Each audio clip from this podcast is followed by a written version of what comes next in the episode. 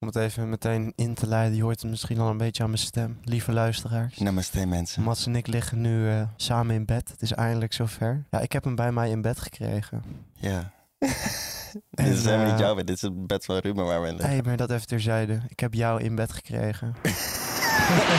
Hoe gaat het nou echt met je? Wij gaan ineens keihard te huilen hier. Een jaar geleden was ik al echt doodongelukkig op de plek waar ik was met de mensen met wie ik was. Hoor. Ja? Je zal nooit eigenlijk helemaal over erheen Oh, komen. dat is bullshit. en ik geloofde dat. Ik dacht, oh ja, dat zal wel zo zijn. Er zal altijd wel een stukje in je blijven. Je hele eigen persoonlijkheid, dat masker dat je jaren hebt gedragen, dat valt in één keer weg. Ik prik er doorheen, weet je wel. Ik hoor, ik, ik- nee, maar, Ik ik hoor je. hoor je.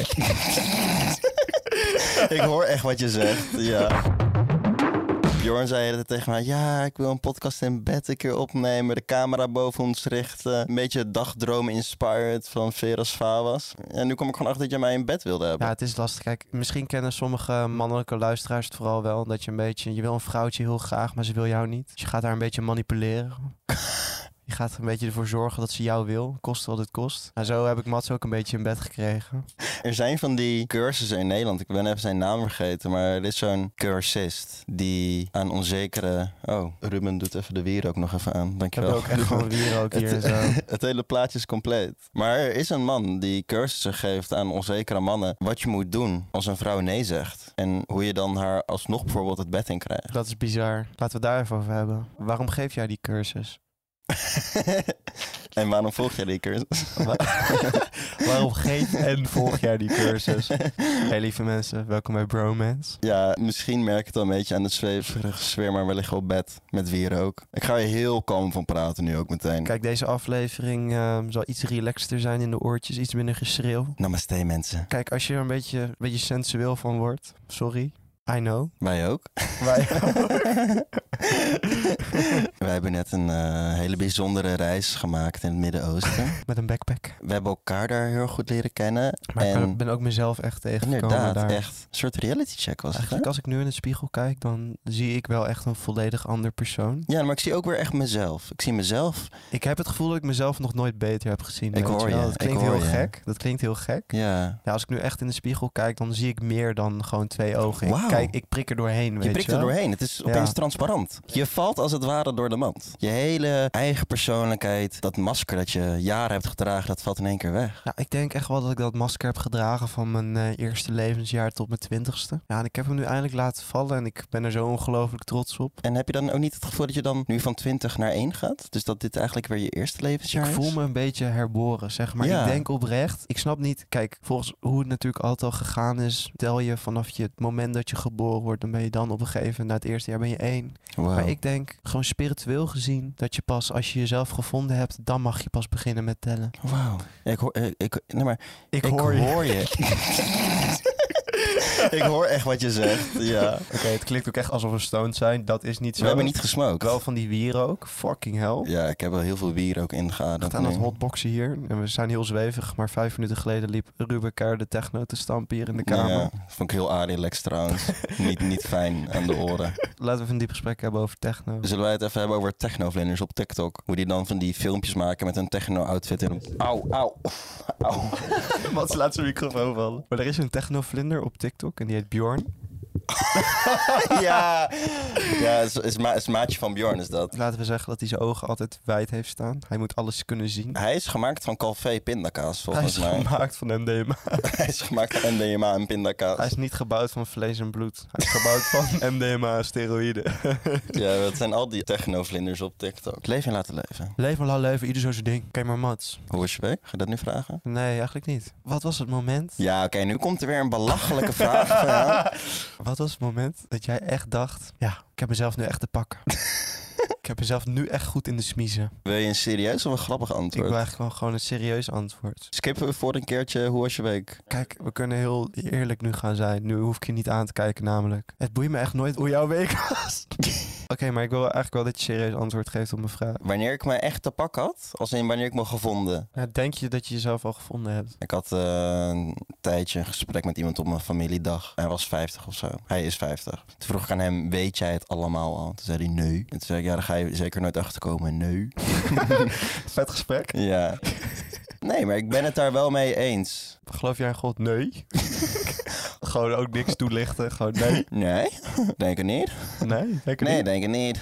ik heb heel vaak het idee dat ik mezelf helemaal heb gevonden. En dan een jaar later is het weer, oh nee. Dan kijk je weer terug op jezelf en denk je, oh nee, ik was er helemaal nog niet. Ik heb me wel afgelopen jaar heel erg ontwikkeld als persoon, heb ik het gevoel. Dat betekent niet meteen dat ik het al helemaal heb gevonden. Maar ik merk wel, een, een jaar geleden was ik wel echt dood ongelukkig op de plek waar ik was met de mensen met wie ik was. Hoor. Ja? Maar het waren bepaalde keuzes in mijn leven waarvan ik denk dat had ik nu anders gedaan. En daarna heb ik een hele andere grote keuze gemaakt. Waarvan ik eerst dacht, nee, dat wil ik niet. En toen kwam ik erachter dat dat me juist heel veel bracht. En heb ik heel veel nieuwe mensen ontmoet. Die nu nog steeds in mijn leven zijn. Maar dat heeft me ook wel echt veranderd als mens. En me in een juiste richting gepusht, als het ware. Maar je hebt dat soort dingen wel gewoon echt nodig in je leven. Om erachter te komen wat je juist niet wil, denk ik. In heel veel aspecten. Ja, Soms gaat dat even heel kloten en gaan dingen niet echt precies zoals je het wil, denk ik. Maar achteraf kijk je erop terug en denk je van, oh, echt blij dat ik dat heb gedaan. Dat is ook wel lastig. Dat is denk ik wel een terugkomend aspect ook in allebei ons leven is van, soms moet je hele oncomfortabele keuzes maken om verder te groeien als persoon. ja. En dat betekent soms bepaalde mensen dat je er afstand van neemt. Maar ja, als ik bijvoorbeeld ook terugkijk op dingen als Space of zo, dan denk ik nu ook wel van ja, ik had dat achteraf niet gedaan, maar ergens heb ik daar ook weer heel erg veel van geleerd. Ik heb daar ook heel veel dingen uit gehaald hoor, daar niet van. Ja, ik, ik denk met Ehm. heel veel van die dingen waar je nu van zegt van, oh, dat had ik achteraf niet gedaan. Ik denk dat je eigenlijk eerder moet zeggen van, ik ben blij dat het is gebeurd, zodat het Ja. me de persoon heeft gemaakt die ik vandaag ben. Als je space niet had gehad, was je niet geweest op de plek waar je nu was, was je misschien Ja. heel ergens anders. Ja. Of dat nou positief of negatief is, dat ga je nooit weten. Alleen, ik kijk altijd terug naar dat soort dingen, ook relaties en dat soort dingetjes, waar dan achteraf had je dan nu gezegd van, oh, daar was ik nooit ingestapt misschien. Maar je moet ook, ik denk wel heel dankbaar zijn voor Ja, ik denk, en dan heb, dan heb ik het bijvoorbeeld over, en dan, dan kan je zeggen, oké, ja, ik heb een soort van naamsbekendheid gekregen door Space. En daarna is dat weer, ja, ben ik een soort van dal geraakt, omdat ik dat best wel kut vond. En toen heb ik een hele lange tijd niks gedaan. Maar daardoor heb ik dan wel weer geleerd wat ik wel en niet wil, heb ik mezelf kunnen uitvinden. Maar ook bijvoorbeeld iets als met relaties inderdaad, wat jij bijvoorbeeld met je ex had, waarvan je eerst dacht dat dat het verschrikkelijkst ooit was, dat het ooit was gebeurd, dat het uitging. Dat het uitging, ja. Ja, pakte uiteindelijk het beste voor je uit. Ja, serieus. Zo'n break-up, dat is natuurlijk best wel heavy. Ligt natuurlijk wel aan wat je connectie was met die persoon en hoe lang zo'n relatie ook is. En hoe onverwachts het misschien is. En dat is ook voor iedereen, denk ik, die sowieso door een break-up heen gaat. Ik merk dat er heel vaak wordt gezegd, als je dingen opzoekt over break-ups, of bijvoorbeeld als je een break-up hebt gehad en je scrolt door je TikToks, op een gegeven moment ziet je hele For You er zo uit. Omdat je dat soort filmpjes blijft kijken en je algoritme past er helemaal op aan hoe je je voelt.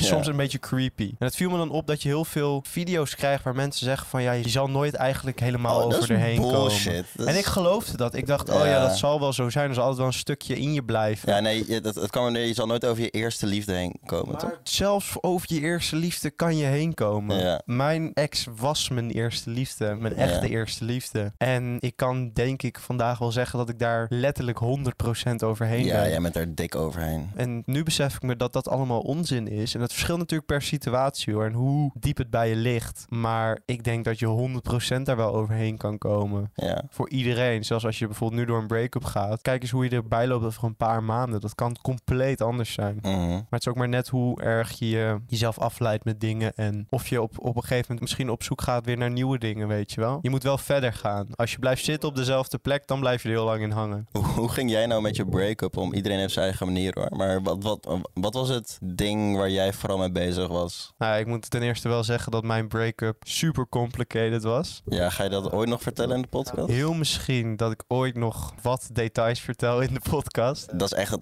grimmigste podcastverhaal ooit, denk Ruimte ik. voor.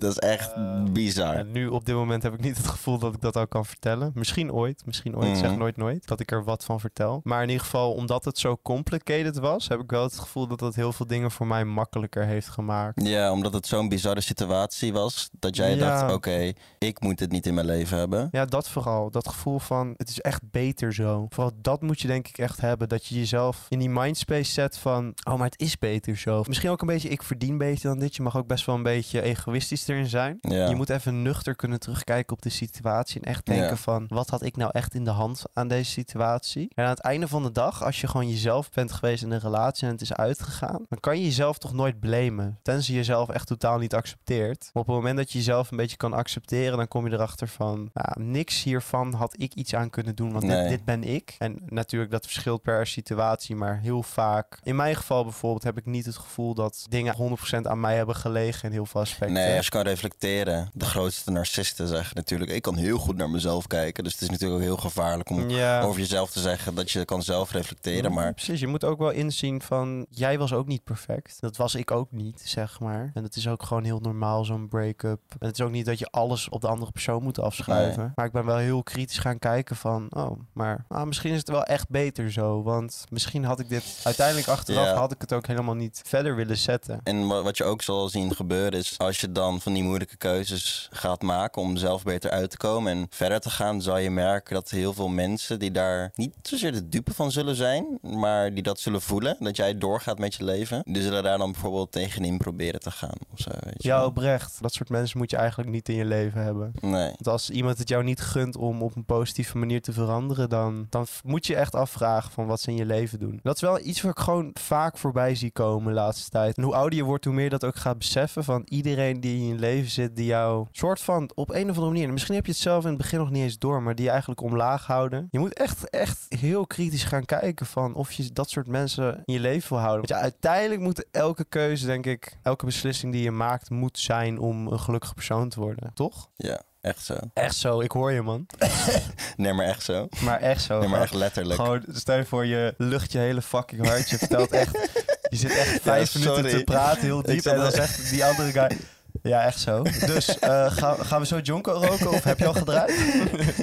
Ik hoor echt wat je zegt en ik herken me daar heel erg. En ik merk dat ik het lastig vind om voorbeelden te geven. Nu omdat ik niet al mijn privé kwesties weg wil geven. Ja, wat ik net zei was ook vrij algemeen natuurlijk. Maar Ja, ja. ik merk wel, ik denk dat jij er wel iets eerder tot die realisatie kwam dat je dat moest doen. ja. Maar ik moet ook zeggen, over heel veel dingen denk je ook niet per se na. Want je leeft je leven gewoon en dan wil het soms wel langs je vliegen, maar je voelt het wel. ja. Want er gaat iets mis. Ja, op een gegeven moment moet je wel even daarbij stilstaan. Je moet ook ten alle tijden naar jezelf blijven kijken. En wat, wat jij fout hebt gedaan in bepaalde situaties. Hoor. Ik, ik weet niet of ik dat kan vertellen nu. Ik vertelde jou vanmiddag, reden wij hier naartoe. En toen vertelde ik je toch over mijn ex. Ja. Dat is echt lang geleden hoor. Jij had daar een appje gedaan. Ja, was een van mijn eerste vriendinnetjes. Je eerste liefde. En daar kom je nooit overheen hè, Björn? Absoluut wel. Maar in jouw geval misschien niet dan. Zit je me nou een soort van... soort van te gaslight hier dat, dat ik nog niet over, de, over mijn ex heen ben. Sukkel. Ik had gewoon nog unfinished business. Toen ik heel jong was, had ik een... Nou, niet heel jong. Nog vrij recent. Een beetje middelbaar, begin, opleiding, leeftijd. Had ik een relatie met haar. Maar wel mijn, echt mijn eerste soort van serieuze relatie, toch? Hoe oud was je toen? 16. Dat is ook de leeftijd waarin ik zat toen ik in mijn eerste relatie zat. Hoe oud ik toen was. Maar dan ben je nog wel jong. Maar wel eerste relatie waar je de eerste dingen mee doet en zo, weet ja, je wel. precies. Dat is wanneer je het gaat ontdekken, een beetje. Dat is wanneer het allemaal gebeurt. Nee, maar ook gewoon dat je erachter gaat komen hoe een relatie werkt. En dat is gewoon, dat zijn wel de essential things, want dan leer je het. Ja, dat was heel abrupt uitgegaan. Ook door mij. Vooral, nee, vooral door mij. Ik had het gewoon uitgemaakt omdat ik er door bepaalde dingen gewoon klaar mee was. Maar ik had dat verder niet zo netjes gedaan. Niet via app hoor. Dat zeker niet. We hadden wel gewoon... Is dit nou een soort van eh sneer? Ik heb het trouwens ook een keer via app Nee, ik, heb, uitgemaakt. ik heb mijn eerste echte relatie niet via app uitgemaakt. jij, jij, jij hebt het al een keer gedaan, hè? Ik Ja, ook. Dat is echt, echt niet hard. maar ja, dan moet je ook natuurlijk afvragen hoe serieus zo'n relatie dan was. Als je dat doet. Nee, die ene relatie die ik via app had uitgemaakt, dat was ik echt. Dat was ik volgens mij in de eerste van MAVO. Ja. Dus dan ben je, hoe oud ben je dan? 12, 13? En toen had ik een appje gestuurd. Hey. Toen was ik ook op vakantie in Ik zat in Frankrijk. Frankrijk en ik zat gewoon even te denken. Ik zat even in de zon. En ik dacht, wat ben je eigenlijk een bitch? Nee, Weet je? nee, nee. Fuck jou. Ik had het nog wel heel, Een heel lang appje. heel, ja, heel lang appje. ja. Geachte heer mevrouw. Heel formeel. Zo'n algemeen appje naar al je sidehoes gestuurd. Het is allemaal sidehouse. Ik heb nooit echt sidehouse gehad. Ik heb nooit echt geslet hoor. Nee, maar dat is niet heel netjes. Maar we waren te jong en ik denk niet dat zij daarmee zit. Maar ja, die andere relatie, dat had ik uiteindelijk niet zo netjes uitgemaakt. En het was allemaal abrupt gegaan. En ik was er niet meer voor haar of zo daarna. Je wilde helemaal geen contact meer. Maar dat was misschien zo'n moment dat ik te veel aan mezelf dacht. En ik, ik had echt me echt goede reden om het uit te maken. En te zeggen van, hé, hey, ik ga door met mijn leven en jij de jouwe. Maar ik heb toen eigenlijk daarna nooit meer moment genomen om aan haar te vragen van hoe het met haar ging. Maar moet dat? Ja, ja ik, vind, ik vind, vind het wel. Als je veel hebt meegemaakt, dan kan je wel nog een appje eruit sturen. Of als je elkaar tegenkomt, komt. Hoef je elkaar niet te ontwijken. Ja, het is wel chiller, denk ik. En het is ook netjes om te doen. Kijk, als zij zich slecht voelde, is het dan echt, echt, nadat het uit is, jouw verantwoordelijkheid dat het goed met haar gaat? Kijk, het is, het is netjes hoor. Het is, het is top. En misschien is dit dan misschien de harde manier. Maar om gewoon direct van jou los te Ja. zijn en hulp te vragen bij andere mensen. Want als ze dat nog heel lang bij jou had gezocht, dan wordt dat proces langer, denk ik. Ja, maar ik denk wel echt dat ik het niet... Ik, ik heb het gewoon niet netjes gedaan. Als ik even naar, naar de hele situatie kijk. Heel lang dacht ik, nou, het is helemaal niet mijn schuld. Het is makkelijker om te zeggen van, nou, jij bent fout in de situatie... dan naar jezelf te kijken, weet je wel? Mhm. Dus de jaren daarna volgde er een beetje een schuldgevoel van... oh, dit heb ik echt niet netjes gedaan. Ik schaam me hier een beetje voor. Toen dacht ik altijd van... hé, hey, als ik haar ooit weer een keer tegenkom... dan bied ik gewoon mijn excuses aan. Maar dat is nooit gebeurd. Ik ben er nooit... Nee, want dat is raar. Want het is vreemd als je... Je ziet je vriendin dan elke dag. En op het moment dat het je ex wordt... Ik weet niet Ja. wat het is, maar je, je ziet haar gewoon niet meer of zo. Afgelopen week, even over hoe was onze week. Afgelopen week dacht ik, ik weet niet hoe ik, er, hoe ik er gewoon weer opeens op kwam. Maar ik heb heel vaak van die, dan kwam het even omhoog en had ik een beetje een schuldgevoel. Dacht ik van, oh. Maar nu dacht ik, fuck it, ik, ik app haar gewoon, gewoon even. Toen een heel lang, nou niet mega lang appje gestuurd, maar gewoon een paar appjes van, yo, ik hoop dat ik er tegenkom dit te kunnen zeggen, maar dat is niet gebeurd. Dus nu doe ik het zo en ik was een lul. Volgens mij zoiets zei ik. Ik was best wel een lul. Dat is best wel een, een lul. Maar jij was ook niet... terugkwam. maar, maar wat, wat jij deed was ook niet zo fris, hè? Gewoon alsnog meteen terugschuiven. ja, dat soort mensen die gewoon echt Die echt gewoon dan denken dat ze iets goeds doen en dan meteen het weer opfokken gewoon. die geen sprankeltje zelfreflectie hebben. Of het wel kunnen hebben, maar het altijd moeten compenseren. Ja, maar jouw gedrag trekt ook geen volle zalen. Zou je niet inschrijven bij een psycholoog? Dat ook wel een beetje een rare kwiebus, vind je niet? Nee, maar in ieder geval... Het is dus echt wel... Voor jou is het natuurlijk wel gewoon echt vier, vijf jaar geleden. Dus... Ja, zoiets. Maar echt lang geleden, ik zou ook in het appje, hey, waarschijnlijk zit je hier echt niet meer mee. Nee, maar jij had het dus nog wel af en toe dus in je hoofd zitten dat je dacht van... "Mwah, ik heb nog steeds wel het gevoel dat dat beter had gekund. Er Ja. zit er toch een soort van empathie in je dat je een beetje denkt van... Ik wil even op cool terms met haar zijn, want ik ben nu een Ja. volwassene persoon. Ja, het- maar dat is gewoon van dat gedrag dat je jong Ja, en dat je eh, daarvoor bent. En voor wil excuseren of zo. ja, want op zich, uiteindelijk zijn het dingen waar je van leert. Het is nooit verkeerd om nog even, nog Nee. even wat hele oude shit recht te zetten, als het kan. Vooral denk ik gewoon dat je zeker weet dat het gewoon cool zit. Dat de persoon er goed overeen is gekomen. En dat ze er misschien ook beter uit zijn gekomen. Dat is misschien voor jou ook wel fijn om te Ja. weten. Toch? Zeker. Ik heb ook heel lang nog gedacht. Nou, ik weet niet of ik er nog steeds wel in sta. Misschien wel een beetje. Na mijn break-up van als ik haar zou tegenkomen. Ik zou er op zich denk ik nog wel gewoon bedanken. Ja? Ruben kijkt Bjorn heel raar aan nu. Maar ik weet het niet zeker. Het zou een beetje random zijn. Tukje random. Nee, ik, snap wat je bedoelt hoor. Want ik vind ondanks dat je nooit meer diezelfde relatie in zou stappen. En dat je die persoon misschien helemaal niet zo leuk meer vindt. Gewoon eigenlijk helemaal niet. Ja, het klinkt meteen heel lullig. Maar gewoon van eh, je voorkeuren veranderen. Je gaat op een gegeven moment naar een relatie ga je wat meer kritisch kijken naar wat je echt wil. En dan zit je niet meer zo in die roze wolk. En dan ga je misschien een beetje negatief terugkijken op een ervaring, een persoon. Maar ik denk dat het ook heel belangrijk is om terug te denken. Wat ik net eigenlijk ook al zei over nou ja, wat er gebeurd is. Ik zou nooit willen dat het nooit gebeurd was, als je snapt wat ik bedoel. Mhm. Ik heb heel veel dingen geleerd daarvoor. En ik heb ook heel veel leuke momenten gewoon gehad. En daar ben je dan gewoon nog wel dankbaar voor. En vooral dankbaar voor de persoon wie je bent geworden daardoor, toch? Ja. Dus indirect komt dat wel door haar. Dus daarvoor bedanken, ja. Het kan ook een beetje als een sneer overkomen, vind je niet? Ja, klopt. Dat je iemand bedankt voor het idiote gedrag. En dat je denkt van, oh, Nee, maar het is niet per se alleen voor het idiote gedrag. ja. Ook, ja, ook wel een beetje. Soms misschien. Dat je een beetje gaat nadenken over wat... hey, dank je dat jij zo'n draakje was in de relatie. Ja, gewoon sowieso ook wel gewoon bedankt voor de leuke tijd. Ondanks Ja. wat er is gebeurd. Ik heb het naar mijn zin gehad, weet je wel. Ik denk wel oprecht dat dat wel de juiste manier is om naar terug te kijken. Want je kan heel veel haatgevoelens hebben en zo. Maar wat dat vak schiet je daarmee op. En hetzelfde geldt dus bijvoorbeeld ook voor bijvoorbeeld jouw space tijd en dat soort dingetjes. Van hoe kut je het nu vindt. Hoe dat is gebeurd en hoe, hoe erg je er misschien op cringed. Nee, geen eens cringed. Maar ook wel op cringed. ik- Let's ik- be honest. Ik cringed erop in ieder geval. Kutjong was je. goed om te weten. Ik, ik kijk het gewoon nooit. Ik vergeet vaak ook gewoon dat het gewoon nog op het internet staat. Het is meer dat ik op die leeftijd heel veel aan het maken was. En dat Space op dat moment mijn passie heeft gekeeld. Door het super commercieels te maken. En ik had gewoon gehoopt dat iemand er een stokje voor had gestoken. En je wordt dan omringd met allemaal mensen die doen alsof ze het beste met je voor hebben. Maar eigenlijk, eigenlijk gewoon jou soort van willen gebruiken en als tool Ja. zien. En dan heb, en dan heb ik het niet zozeer over Daniel Levy en Thomas. Hè? Er komen gewoon heel veel meer mensen bij kijken, maar je bent gewoon heel jong. En dan, dan ben je heel erg ontwetend. Je weet niet wat je wil en wat goed voor je is. Dus dat bedoel ik meer. En dat heeft toen een beetje mijn passie gekild. Maar ik denk dat het juist wel goed was dat dat je passie heeft gekild. Want kijk, je had het ook zo kunnen zien. Je had nu ook juist de hele commerciële kant op zijn gegaan.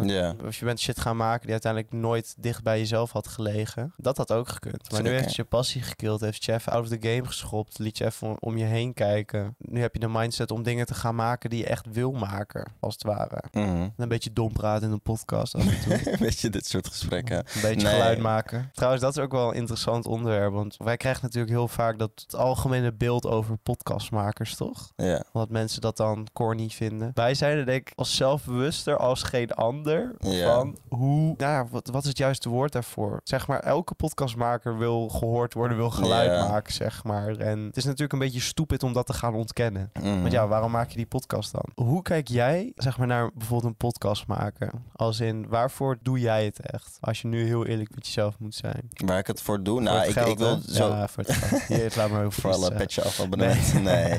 nee. ik vind het heel erg leuk ook om ergens mijn ei kwijt te kunnen. En uiteindelijk wil ik dat de podcast als iets voor erbij is. En dat, mensen, dat, dat, dat bromance een plek wordt waar mensen me gewoon nog iets beter kunnen leren kennen. Maar uiteindelijk wil ik wel, en dat moet echt wel dit jaar gebeuren, echt meer dingen weer willen gaan maken. Dus echt nu volledig YouTube weer oppakken zoals ik dat voor Space deed. De podcast zie ik ook wel los echt van alle andere dingen. Ook juist wel als een plek en iets als een uitdaging waar wij creatieve dingen kunnen doen. En zoals dit, super zweverig op een bed liggen met wierook. Ik vind het leuk om te blijven experimenteren. En er, ja, er zijn duizenden podcasts. En daarom is het juist een uitdaging om te zeggen van... hé, hey, hoe gaan wij, hoe springt onze podcast eruit? Ik denk wat ik vooral het mooie vind aan de podcast, zeg maar. Ja, bijvoorbeeld dat we dan heel veel DM's krijgen van mensen die dan vertellen dat het ze echt wat gedaan heeft, weet je wel. Of dat het ze helpt. En mensen gewoon misschien een bepaald beeld geven. Laten horen hoe wij denken over dingen. En het klinkt voor sommige mensen een beetje van, ja, wie heeft jullie mening nodig? Maar ik denk voor heel veel jongere mensen, misschien jij die nu luistert, luister dit om erachter te komen hoe leeftijdsgenoten denken over bepaalde zaken op dit moment. Kijk, wij zullen er absoluut wel eens naast zitten, weet je wel. Maar ik denk wel dat wij een open mind hebben over heel veel dingen. In het begin begonnen we natuurlijk de podcast met... oh ja, een paar vrienden die lullen. En dat begon toevallig ook in de coronatijd. Daar kwamen weer hele andere dingen bij kijken. Zoals jongeren die mentale problemen hadden... of met zichzelf in de knoop zaten. Of het was op zich al een lastige periode... waar Ja. iedereen zichzelf aan het ontdekken was... waardoor dat de podcast een beetje vormde. Dus we gingen over dat soort onderwerpen praten. Ja.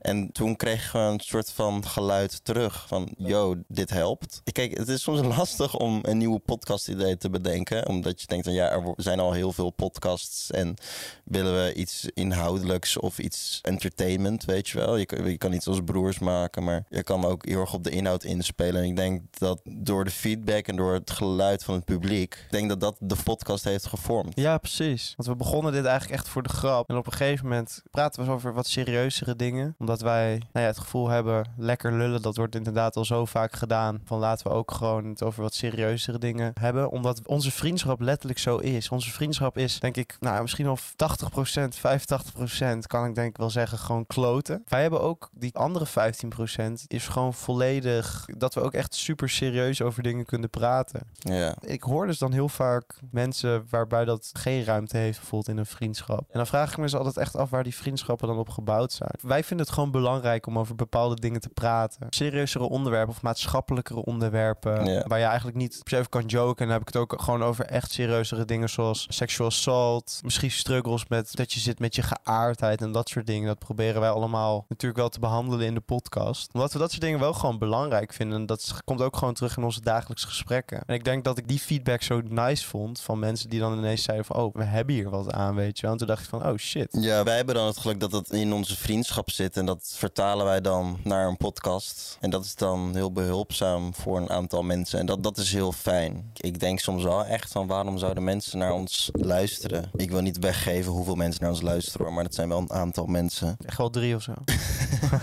Wel gewoon een eh, nou, flinke klas vol. Sowieso wel op twee handen te tellen hoor. nee, maar, eh, Ik- Ik vergeet dat vaak altijd een beetje, hoeveel mensen er eigenlijk luisteren. En dan schrik ik er altijd. ik denk dat wij, als wij onze luisteraars allemaal bij elkaar zouden zetten en dan erachter zouden komen van, oh jullie luisteren wekelijks naar onze stem, ik denk dat wij doodongemakkelijk zouden worden. Denk ik. Ja, stel je zou een arena vullen met onze luisteraars. En ik zou mijn broek poepen. Ik meen het. Stel je voor. Maar dat soort besefdingen heb je niet. En dat is misschien soms ook wel beter. Dat, dat- en dat, dat is ook beter. En we kijken wel af en toe naar de cijfers, maar ik kijk ook niet te veel naar bewust. Ik heb ook met een reden mijn likes uitgezet, bijvoorbeeld op Instagram. Ik zie het bij niemand en ook niet bij mezelf. Hm. Ik zou het kunnen zien als ik erop klik, maar dat doe ik gewoon eigenlijk niet. Je wil er niet bewust van zijn hoeveel mensen dit nou uit- uiteindelijk zien of luisteren. Nou ja, kijk, ik kijk echt wel bijvoorbeeld naar de streams van een podcast of zo, maar ik wil er niet te veel mee bezig zijn. Ik wil het niet laten leiden in wat ik doe. Je bent bang van als je op een gegeven moment dan onder een bepaald cijfer gaat zitten, dat je dan snel ontevreden raakt bijvoorbeeld. Ja, en als het over een bepaald cijfer gaat, dan Dat je het ego te veel gevoed wordt. dat je zo'n naar lastig mannetje wordt. dat ik een heel, heel moeilijk mannetje word. nou ja, maar ook dat je bijvoorbeeld dingen gaat doen, niet omdat je het leuk vindt, maar omdat het goede cijfers oplevert. Maar ook inderdaad dat ik denk van, ik wil ook weer niet naast mijn schoenen lopen, terwijl ik dat niet heel snel zie gebeuren. maar wij mensen. haten dat ook. Ik haat dat met mijn hele leven. Maar ik merk ouwe. dat aan ons allebei. Als in, ik word heel ongemakkelijk. Zeg maar als je verheerlijk wordt of zo, weet je wel. Als jij gewoon oprecht gesprek met iemand hebt, bijvoorbeeld, bijvoorbeeld over deze podcast. En iemand vraagt aan mij, ja, wat doe je dan? Wat houdt dat dan in? Ja. Wat doet die Hoeveel mensen luisteren daar dan naar? En dat iemand dan zegt van, wauw. Kan jij ook niet met complimenten omgaan? Nee, Ik kan het echt ik word daar niet. zo awkward van. Ik ga er helemaal bad op. Er zijn mensen die er gewoon echt heel chill met elkaar gaan. Wow, thanks man, wow. En mensen zeggen, ah, eh, nog meer, nog meer? Maar ik ben wel die guy die dan gewoon zegt van, ah, van shut the fuck up, weet je wel. Die meteen als een soort van grapje ziet. Je meent dit toch niet? Of, maar dat is ook niet goed natuurlijk. Maar meer van, ik word er wel gewoon heel snel ongemakkelijk van weet er geen houding aan te nemen. We hebben heel veel mensen natuurlijk gezien die naast hun schoenen zijn gaan lopen. Ik bedoel, dat hebben we heel veel meegemaakt. Als je een beetje, nou, in Nederland heb je natuurlijk een best wel grote scene met mensen die, nou ja, wel wat Mhm. aantal volgers hebben, veel influencers. Wij zijn natuurlijk al een tijdje bezig, dus we hebben heel veel mensen gezien die, nou ja, uiteindelijk best wel veranderd zijn En we zitten er wel redelijk in. door een volgeraantal. Ik heb door de jaren wel, heb ik wel veel mensen ontmoet, maar ik heb ook wel een soort van afkeer gecreëerd naar dit rare wereldje. Ja, en ik, ik, ik zal dat denk ik nooit begrijpen hoe je door je volgeraantal je jezelf beter kan voelen dan een ander. Want we zijn aan het einde van de dag zijn we allemaal gewoon mensen. En jij bent misschien een persoon die iets meer mensen kennen, maar dat maakt jou geen beter persoon. Ik denk ook wel dat het een soort van. ehm, kijk, heel veel influencers zijn ook niet creatief en hebben helemaal niet de behoefte om iets artistieks of creatiefs te maken. En willen gewoon domme campagnes en Instagram reels maken over hun outfits en bla bla bla. En welke tent ze zitten. En Wat verder oké is hoor, lekker naar de doen. Chin Chin Club gaan. nou, gewoon een beetje het standaard beeld van influencers. En ik, dat is oké, heel veel mensen hebben er niet behoefte aan. Maar volgens mij zei Casey Neistat het ooit. Dat social media een soort vergif is voor je creatieve brein. Soms vraag ik me af, wat zou ik echt nu maken als ik het gewoon bij film had gehouden en helemaal nergens had geplaatst? Wat, wat was dan de puurste versie van mijn creatief idee geweest? Oh, dat is wel een goede vraag om jezelf te stellen, ja. Ik hou altijd rekening met, oké, dit is leuk en mooi, maar gaan mensen dit kijken? Ja, want aan het einde van de dag zijn we nu natuurlijk heel erg bezig Ja. ook met... We willen dat onze... Misschien klinkt het pretentieus om te zeggen, maar onze kunst... We willen dat dat gezien wordt, Ja. als het ware. Ja, daar zijn we nu heel erg mee bezig. Maar op het moment dat je iets alleen voor jezelf zou maken... dan zou dat natuurlijk niks uitmaken hoe vaak het gezien wordt. Nee. Want het is voor jezelf. En dan zal je natuurlijk wel uiteindelijk de puurste vorm van kunst maken... die echt het dichtst bij jezelf ligt. Maar goed, wij willen een soort van balans daartussen nu. Wij willen een,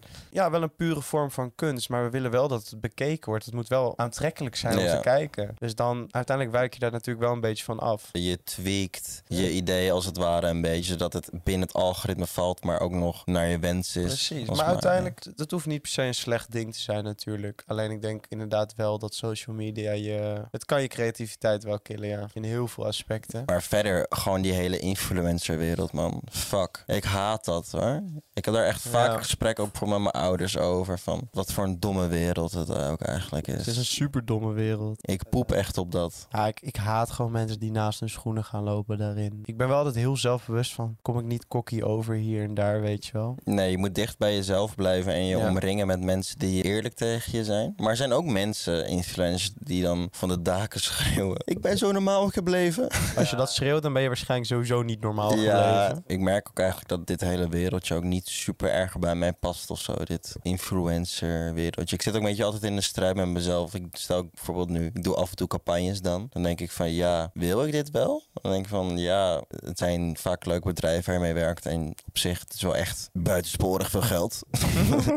nee, het valt wel mee hoor. Nee, maar het is wel gewoon lekker geld wat je ermee verdient. Maar uiteindelijk denk ik van nee, ik wil echt niet medeleven influencer zijn en zeggen van ik verdien mijn geld door reclame te maken voor bedrijven. Uiteindelijk vind ik dat het gaarste ooit. Alleen, ja, zeg maar, realistisch gezien is het wel voor ons kunstmakers, als het ware. En je wilt er geld mee gaan verdienen. Je moet wel een klein beetje commercieel zijn om het te laten blijven lopen. Maar dat betekent niet dat je dat niet op een leuke manier kan doen. En ik heb heel lang gedacht van nee, ik wil niet in dat commerciële meegaan, in dat algoritme en wat, wat, wat wenselijk is. Ja, maar dat is niet wel. realistisch. Je moet er wel aan toegeven, maar het is maar net hoe je ermee omgaat. Je kan heel simpel en heel hard schreeuwen van hier, koop deze nieuwe Coca-Cola smaak. Ja. Maar je kan het ook op een leuke manier aanpakken en er een, eh, soort van eigen kunst nog weer omheen maken. Dat is maar net hoe je ermee omgaat. Het is een beetje hetzelfde met al die YouTubers in Nederland die nu opeens Mr. Beast gaan nadoen. Met deze auto ga ik, weet ik veel doen. Of al deze mensen moeten in deze cirkel blijven staan voor 24 uur. Zo, ik zeg je eerlijk, ik heb daar zoveel moeite mee. Even nog een andere belachelijke titel. Ik gaf 50 YouTubers een high five. Ik gaf 50 euro aan de eerste vijf daklozen die ik op straat tegenkwam. Ja, ik gaf een Tesla weg. Kijk, het werkt, maar ik vind dat soort YouTubers zo... Ik heb er zoveel moeite mee, want het maakt publieken ook alleen maar meer materialistisch. En, Het maakt mensen zombies. en ik vind het heel jammer dat dat nu hetgene is wat mensen trekt in Nederland, maar überhaupt in de wereld. Ja. Dat dat de content is. En ik dacht dus heel lang dus dat het of het is iets artistieks of het is Mr. Beast copycat. En dat, dat dacht ik een beetje omdat het heel veel gebeurde. Ik heb godzijdank nooit die Mr. Beast content gemaakt of als optie gezien. Dus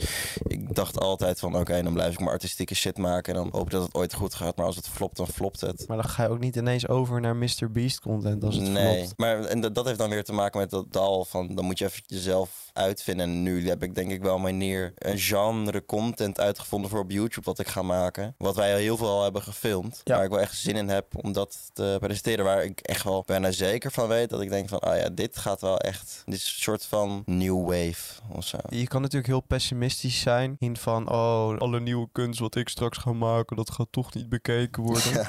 Maar je kan ook denken van, laten we er gewoon lekker voor zorgen dat dit een nieuwe wave wordt inderdaad. Van laten we iets gaan maken en gewoon alles op alles zetten om ervoor te zorgen dat mensen dit gaan checken. En dat het ook nieuwe mensen inspiratie geeft om ook dit soort dingen te gaan maken. Ja. Dus dat we een beetje afgaan van dat kutte materialistische vlog Mr. Beast type content met auto's en ook al die vloggers in Nederland die waar, waar een hele eh, kanaal draait om dit heb ik een nieuw huis een nieuwe auto Ja, het is zo dom, ouwe. het is zo simpel en zo dom en echt geen haat naar de mensen die dat doen hoor in. Nederland ja Jawel. wel een beetje maar meer haat naar hun content zeg maar laten we iets maken wat echt impact heeft op mensen laten we ervoor zorgen dat mensen daar weer aan kunnen wennen laten we een nieuwe trend starten Laten we een nieuwe trend starten. Laten we een nieuwe trend starten met z'n allen. De Chubby Bunny Challenge terugbrengen in Chubby- Nederland. Chubby Bunny Challenge. Dat heb ik wel vroeger gedaan, ja. Weer superveel Q&A's doen. maar zelfs die content vond ik leuker dan wat er nu gemaakt wordt. Vroeger was het nog wel meer leuke shit. Mensen deden nog wel even wat voor hun content, toch? En nu is het gewoon van, yo, nieuwe auto gekocht met... Omdat jullie constant... Het is een soort van vicieuze cirkel. Auto kopen, mensen kijken de video... waardoor er weer een auto gekocht kan worden. Weet je wel? Wist je dat het super kut is om mensen te verrassen met auto's? Omdat ze dan opeens autoverzekeringen moeten betalen en zo. Ja. Je zadelt mensen met allemaal last. Gewoon een heel arm iemand, gewoon een dakloos een Tesla geven. Ja, succes man. Succes mee. Jezelf de schulden inwerken. Volg het zelf maar ja, verder uit. the fuck, ouwe. Dat is helemaal kut hoor. Ja, kan je je leven mee kapot maken. precies. Ik heb ook heel lang gedacht dat ik een soort van Nederlandse David Dobrik wilde zijn. Maar toen kwam ik erachter dat het kut is. En dat ik geen geld heb. Dave Dobrik is natuurlijk wel een beetje de grootbrenger van het idee van mensen dingen geven. Maar het was gewoon omdat het zo groots was. Maar nu wordt het constant gedaan. Dan vraag ik me dus af of het komt door voor omdat, omdat je denkt dat een persoon zo gul is? Of omdat je gewoon graag die auto wil zien, toch? Omdat, het, omdat die auto in de titel staat. Wauw. Wauw. Gaat het verder met je? Ja, best wel shit, man. Ja? Nee. ja, maar, ja. Maar geef deze kaart uit. Ja. Hoe gaat het nou echt met je? Dat moeten mensen ook meer doen, aan elkaar vragen. Hoe gaat het echt je? nou En dan even doorvragen. Ja. Niet, niet als je die box geeft aan elkaar van... Hey, oh, hoe is het? Het is helemaal geprogrammeerd erin, hè? Om Dan te zeggen, ja, goed met jou. goed, dat zit er echt ingebrand. Terwijl het helemaal niet zo goed met je gaat. Volgens mij gaat het helemaal niet... Volgens mij heb je een beroerte. Voel ze van je voorhoofd, jongen. Nee, maar eh, hoe gaat het met jou op dit moment? Nee, maar ik, het, het gaat goed met mij nu. Ik, ehm, ik begon mijn verhaal met... Een jaar geleden was ik, op een, was ik vrij ongelukkig op een vervelende plek. Maar dat is nu echt stukken beter. Ja, dat is goed om te horen. En ik ben dat gevoel nog steeds wel aan het najagen. Van, eh, Ja, tuurlijk. Maar ik denk dat het ook nu een soort van periode is in ons leven waar we heel veel, zo voelt het voor mij in ieder geval, heel veel veranderingen. En dan kom je er echt achter hoe chill die veranderingen zijn, toch? Ja. Wat veranderingen die misschien wat moeilijker waren om te maken. Eh, wat aanpassingen. Maar ook wat gewoon leukere veranderingen in je leven. Dat er een nieuwe wind in je leven wordt geblazen. Accept the past, embrace the future. Gaan we... nu... Maar nu is het net weer zo zweverig als in het begin. Dit is gewoon helemaal kut. Dit gaan we ooit nog wel een keer weer doen. Ik wil uit het bed kruipen en weer even normaal doen nu. Nee, wij gaan zo even flink van bil. Ik, ik, ik, ik- nee, maar ik heb me veel te erg opengesteld naar jou. Ik ben super fragiel. Ja, dit, dit kan toch niet in zo'n vriendschap? We gaan zo meteen over, over wijven praten en bier drinken. Ik hoop dat jullie dit een interessante podcast vonden. Ja, Zo niet. Volgende week zijn we weer back to normal. En dan gaan back we to gewoon, back. Gaan we ja. weer, gewoon weer de hele tijd kutgrappen maken. Ja, dan, dan gaan we weer even normaal doen. En, Gaan we en, even normaal doen. en als je wil zien hoe we hierbij liggen, dan bekijk ons eh, TikTok en Instagram-account even. Dit is Volg Bromance. natuurlijk ook onze persoonlijke accounts. Mats van der Graaf en Björn Smit. Ik ben een beter mens geworden sinds deze podcast. Sinds die reis in het Midden-Oosten. Ja, toen heb ik mezelf even anders aangekeken in. Dit was Bromance. En wij gaan weer lekker techno luisteren, jongens. Zet die techno uit!